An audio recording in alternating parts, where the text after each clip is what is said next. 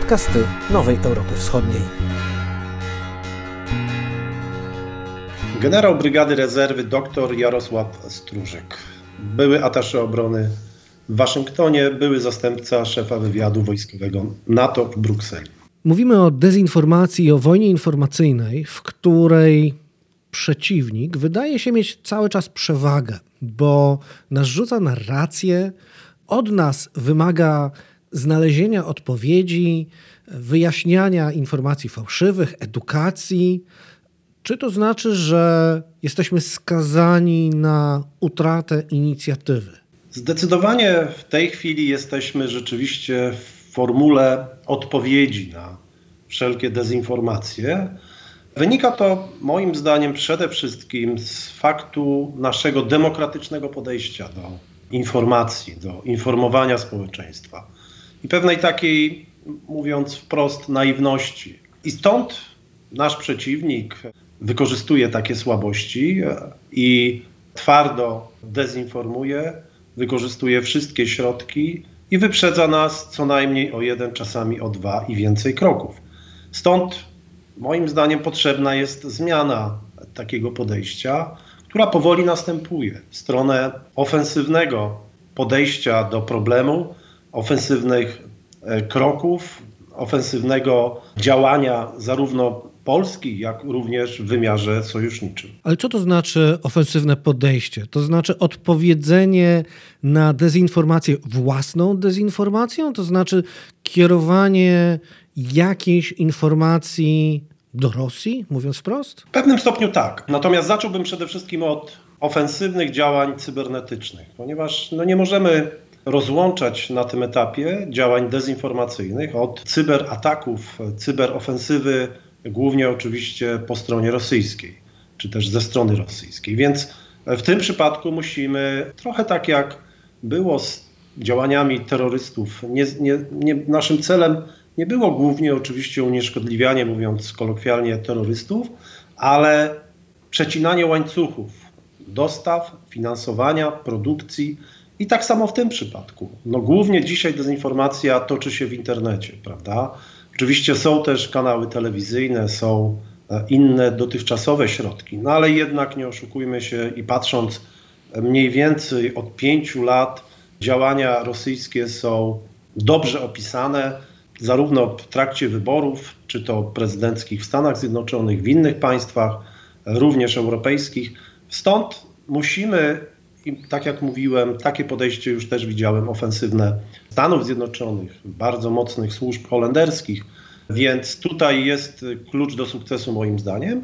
A w tym obszarze, że tak powiem, analogowym, telewizyjnym, również wciąż brakuje takich mocnych kanałów, mocnych przekazów, czy też mocnej współpracy na poziomie Unii Europejskiej, na przykład, która posiada duże środki finansowe na rozwój tego segmentu. Jest dobra inicjatywa od bodajże półtora roku strony EU versus Disinfo, bardzo konkretne, bardzo dobrze opisane, ale mam nadzieję, a mam wrażenie bardzo niszowa działalność, bardzo mało rozpropagowana w praktyce czy studentów, czy też innych, którzy powinni być tym zainteresowani, praktyce informowałem o tym. Nie wiedzieli o tym dosyć, tak jak powiedziałem, dobrym narzędziu Unii Europejskiej. Ale to jest znowu narzędzie pasywne, ponieważ to jest narzędzie, które odpowiada na działanie aktywne strony drugiej. Ale jak w praktyce, żeby nie być gołosłownym, miałyby wyglądać aktywne działania? Tak jak powiedziałem, głównie poprzez znalezienie czy też e, wyegzekwowanie pewnych e, działań ofensywnych wobec tych podmiotów, które do tej pory przecież znaliśmy, poznajemy, grup e, APT-28, APT-29, e, Farm Trolli, Internet Research Agency, która się też przeistacza w różne formuły i tworzenie ich jest bardzo łatwe ze strony rosyjskiej. Więc na tym polu oczywiście bym widział. To trudność pewnego dezinformowania społeczeństwa, powiedzmy społeczeństwa rosyjskiego, wymagałaby pewnej sztuki narracji, ale nie wykluczam również takich faktów, pewnego zachwiania zaufania do obecnej przecież nie w pełni demokratycznej klasy politycznej w Rosji, która jest od, przy władzy od równo 20 lat, Więc tutaj bym widział jednak też także pole pewne manewru.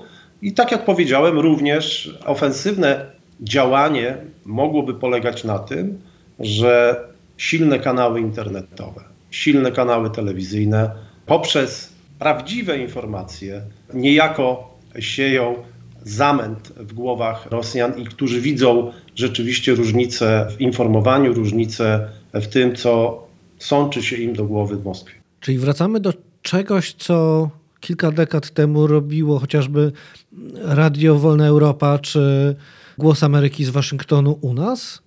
No chyba wielu Polaków wie, jak skuteczne to było działanie, w jaki sposób e, oczywiście było to finansowane, to wiemy już dzisiaj, e, były to aktywne w dużej mierze działania służb e, również amerykańskich, więc rzeczywiście powrót do korzeni jest bardzo dobrym elementem każdej działalności. Nie tylko nowe elementy, wszelkie innowacje, ale jednak spoglądnięcie wstecz, trochę tak jak w wielu miejscach zapominaliśmy o czołgach, zapominaliśmy o e, takich ofensywnych działaniach konwencjonalnych Rosji. Przypomnieli nam oni szybko je w 2008 i 2014 roku w Gruzji, odpowiednio i na Ukrainie. Także i w tym przypadku uważam, że nie wykorzystujemy tego potencjału.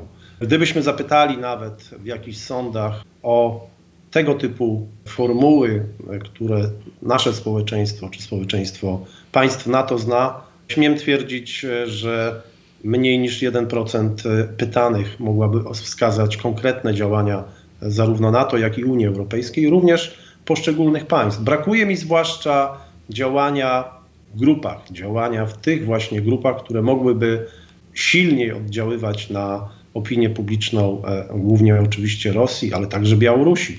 Ja nie widzę współdziałania tutaj Polski, państw bałtyckich, Czechy i Słowacja trochę mniej są zaangażowane.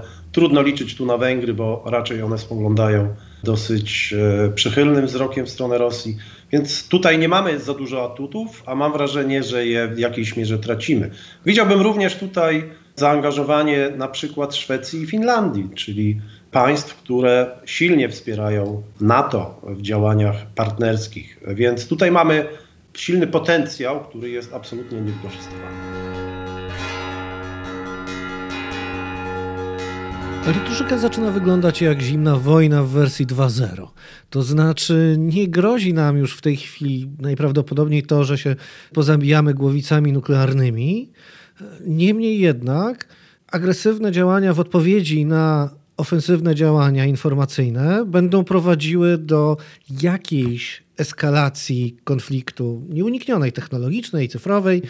Czyli znowu mamy konflikt bezkrwawy, miejmy nadzieję, natomiast e, wcale niekoniecznie mniej kosztowny. Zdecydowanie nasza zależność od internetu, od wszelkich środków komunikacji społecznej na tym etapie widzimy, jak blackouty energetyczne czy też internetowe wpływają na społeczeństwo. Więc widzę tutaj również zagrożenie w tym zakresie. Więc spójrzmy na nasz sektor bankowy, który w zdecydowanej większości jest obecnie prowadzony poprzez środki e, internetowe, środki wszelkiej komunikacji społecznej, więc widzimy tutaj zagrożenie. Czyli przywołałbym na przykład wielką awarię banku WNG, Banku Śląskim ostatnio i praktycznie pięciodniowe odcięcie 128 tysięcy klientów od ich kont maklerskich. Oczywiście wymiar 128 tysięcy nie jest aż tak wielkim, ale wyobraźmy sobie brak dostępu do wszelkich środków finansowych wszystkich Polaków, bądź większości Polaków. Jaki powoduje to zamęt społeczny, wywołanie takiego konfliktu, wywołanie niepokojów społecznych, również w przypadku zakłóceń w innych obszarach wrażliwych, energetycznych, paliwowych. Więc rzeczywiście tutaj wówczas łatwe przekonanie i sianie dezinformacji na temat przyczyn tego typu działań, pewne, powiedziałbym, wskazywanie winnych po stronie polskiej, co byłoby stosunkowo łatwe obecnie przy pewnych niepokojach społecznych wywołanych wyrokiem Trybunału Julii Przyłębskiej. Więc widzę tutaj szalenie dużo obszarów, które w pewnym momencie mogą stanowić absolutnie mm, takie epicentrum dezinformacyjne, dość łatwo wykorzystywane, choć oczywiście tu mamy drugą stronę medalu, że w przypadku braku dostępu do internetu trudniej będzie siać dezinformację. Ale jestem w stanie sobie wyobrazić, że jakieś środki byłyby również wykorzystane poprzez inne mechanizmy telefoniczne bądź innego rodzaju. Czyli na to powinno doprowadzić do sytuacji, tak jak w zimnej wojnie mówiliśmy o mutually assured destruction, czyli wzajemnie zapewnionym zniszczeniu. Tutaj mamy mieć co mutually assured mayhem, czyli że w odpowiedzi na chaos wywołany, my wam wywołamy chaos nie mniejszy? Nie wiem, czy jest to możliwe w takim zakresie. Rzeczywiście wiemy, że wywołanie chaosu łącznościowego czy też informacyjnego no, trudne byłoby do przezwyciężenia. Natomiast takie włączanie guzików rzeczywiście, tak jak ta właśnie madowska e, koncepcja wzajemnego wyniszczenia, jest e, dla mnie jakimś argumentem do rozmów, do pewnych zabezpieczeń po stronie głównie natowskiej. Ja, tak jak mówiłem, widzę Rosję jako państwo, które kroczy znacznie przed peletonem natowskim, e, czy też nawet dosyć szybko się porusza. My reagujemy. Wszelkie ataki tak jak mówiłem, grup, nowych grup, mniejszych, badanie światłowodów, e, ewentualne działania okrętów podwodnych rosyjskich, które miałyby dokonywać rekonesansu głównego światłowodu między Ameryką Północną a Europą. To są te zagrożenia, które widzieli również Amerykanie, czy też widzą je od e, bodajże 6-7 lat. I tutaj widzę największe zagrożenia. Trudno mi sobie wyobrazić taki etap rozbrojeniowy, jak mieliśmy w roku 1987 przez Reagana i Gorbaczowa na forum nuklearnym, więc tutaj jakoś nie widzę możliwości porozumienia, czy też wspólnych inicjatyw na rzecz bezpieczeństwa i prawdomówności w internecie. Więc to szalenie trudny temat, mam wrażenie, i choć podobny do zagrożenia nuklearnego, to dalece inny w możliwościach rozwiązania tego problemu. Może dlatego, że rozbrojenie nuklearne przyszło w momencie, kiedy dalsze zbrojenia już tak potwornie bolały gospodarkę, przynajmniej Związku Radzieckiego, że trzeba było zacząć ze sobą rozmawiać, a konflikt cybernetyczny na razie po prostu nie boli wystarczająco bardzo, żeby przestać go eskalować. No rzeczywiście i powiedziałbym, że społeczeństwo rosyjskie jest trochę mniej wyposażone w te instrumenty informatyczne. Trudno mi tutaj szacować przeciętnego Rosjanina, ale nie wyobrażam sobie takiego samego poziomu dostępu do bankowości internetowej jak w Polsce na przykład. Więc być może dlatego również trudniej zadać ten ból internetowy rosyjskiej stronie. Rosjanie odczuwają oczywiście e, na tych najwyższych forach sankcje ekonomiczne, pewne e, sankcje osobiste, sankcje wobec ewentualnego uczenia się obywateli rosyjskich, głównie dzieci, oczywiście oligarchów na Zachodzie. Więc tutaj rzeczywiście trudno wskazać środki czy też e, punkty, w których moglibyśmy zadać ten cios gospodarce rosyjskiej. To są podobne, tak jak mówiłem, ale jednak szalenie e, trudniejsze do oszacowania momenty, w których moglibyśmy zastosować sankcje, pewną ofensywę czy też inne działania na tym forum. Zaczął Pan od tego, że Zachód, społeczeństwa zachodnie są podatne na dezinformację i na tego rodzaju ataki, e, dlatego że są demokratyczne.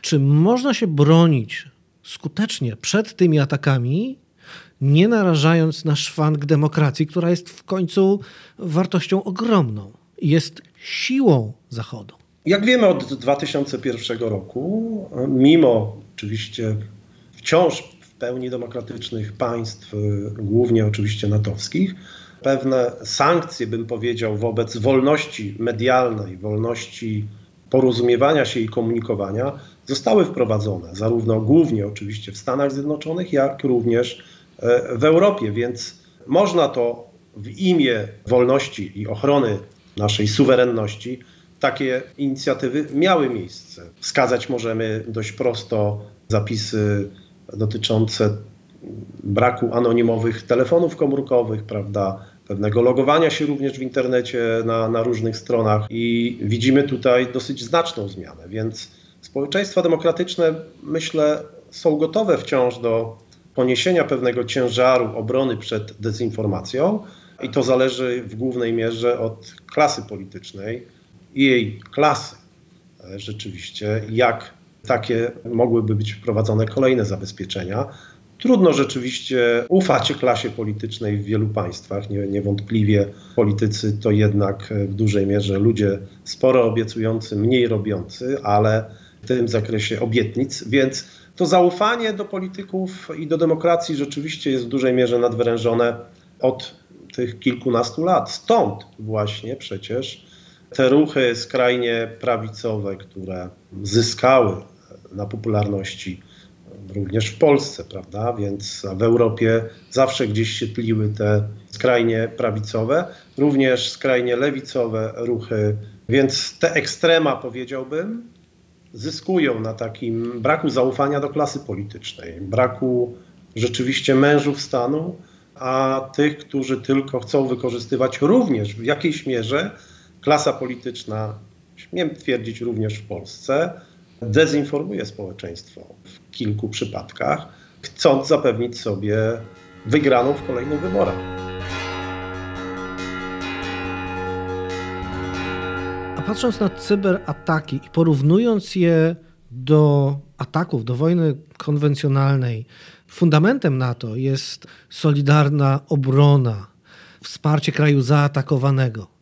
Czy ta solidarność przekłada się także na atak cybernetyczny, który przecież momentami trudno jest nawet zidentyfikować. Widać jego skutki, a niekoniecznie sprawców. Ta dyskusja odbywa się w NATO od 2007 roku i od ataku Rosji na Estonię. To był, powiedziałbym, punkt zwrotny. Zapisy polityczne, czy też pewne zapisy podsumowujące spotkania przywódców czy też szefów państw na szczeblu NATO zawierają takie sformułowania. No ale one są w dużej mierze puste do tej pory i trudno sobie wyobrazić uruchomienie artykułu 5 na podstawie ataku cybernetycznego. Choć z drugiej strony dużo łatwiej go sobie wyobrażam niż przy ataku konwencjonalnym. No bo to jednak nie niesie tak zdecydowanych kroków. Wsparcie to cybernetyczne kraju zaatakowanego mogłoby e, nastąpić dużo szybciej i być na tym etapie chyba dużo efektywniejsze niż przy ataku konwencjonalnym, przy, przy pełnym konflikcie konwencjonalnym, przy użyciu, e, mówiąc kolokwialnie, czołgów i armat. Więc e, takie nowe narzędzia na forum NATO powstawały w ostatnich latach, szeroko rozwijane centrum cybernetyczne w Estonii, czy też na terenie kwatery wojskowej Shape w Mons, e, zamieniane pewne komórki łącznościowe na komórki wojsk łączności, zamieniane rzeczywiście na środki cybernetyczne. Więc to się odbywa, ale wciąż jest to niewystarczające wobec, e, powiedziałbym, machiny rosyjskiej, wykorzystującej, tak jak w przypadku Internet Research Agency w 2006 roku, środki oligarchów. Łatwo przerzucających te nawet niewielkie środki. Bo w przypadku tejże agencji i farmy troli wystarczało milion dolarów miesięcznie z kasy tak zwanego kucharza Putina. Więc widzimy tutaj tą łatwość działania, łatwość dedykowania środków, brak ograniczeń prawnych wciąż po stronie rosyjskiej, a my czasami rzeczywiście dywagujemy, debatujemy i zastanawiamy się, czy uruchomimy środki cybernetyczne w konsekwencji artykułu 5 w przypadku ataku cybernetycznego na jedno z państw NATO. A do tego wszystkiego jeszcze jesteśmy ograniczeni takim dosyć klasycznym myśleniem o granicach, bo przecież przygotowujemy się na to, że Rosjanie zaatakują nas cybernetycznie i NATO ma na to odpowiadać, bo graniczy, ale przecież atak cybernetyczny może nadejść ze strony kraju położonego daleko w Azji i również NATO może zostać w ten sposób zaatakowane. Błędem moich dotychczasowych wypowiedzi było skupianie się na Rosji. Nie mówimy, a powinniśmy mówić o Chinach, powinniśmy mówić o dużych zdolnościach w tym zakresie Korei Północnej, Iranu, państw dosyć aktywnie działających e, na tym polu i rzeczywiście nie wykluczałbym także innych państw, które miałyby interes na przykład gospodarczy w takim ataku cybernetycznym. Głównie bogate państwa Bliskiego Wschodu wobec nawet siebie, bo też wielkiej przyjaźni w całym regionie bliskowschodnim przecież nie ma. Także jest tutaj szereg działań, czy też szereg możliwości. Nie wspominamy o przecież dużych i istotnych zdolnościach Izraela w tym zakresie, który oczywiście jest takim prekursorem działań ofensywnych i takich kroków wyprzedzających, tak zwanych preemptive strikes. Więc tutaj sądzę, że wiele również moglibyśmy się uczyć. Takim e, dosyć dobrym zjawiskiem w ostatnich tygodniach, e, który był gdzieś medialnie podnoszony, to było rozpoczęcie współpracy naszych wojsk cybernetycznych z siłami obrony Izraela. Więc to są takie promyki nadziei po polskiej stronie. Zwłaszcza, że Izraelczycy bardzo często wiedzą, o czym mówią, bo przecież od dłuższego czasu prowadzą niewypowiedzianą wojnę cybernetyczną z Iranem. Dzieją się różne dziwne rzeczy w rodzaju ataku na izraelską sieć wodociągową, czy nagłą blokadę największego irańskiego portu, do którego się nikt nie przyznał. I musimy mieć świadomość, że takie rzeczy również mogą dziać się u nas, a ta cybernetyczna zimna wojna, jeżeli będzie trwała, to przynajmniej jak na razie może jedynie eskalować. Dziękuję bardzo. Dziękuję najmocniej.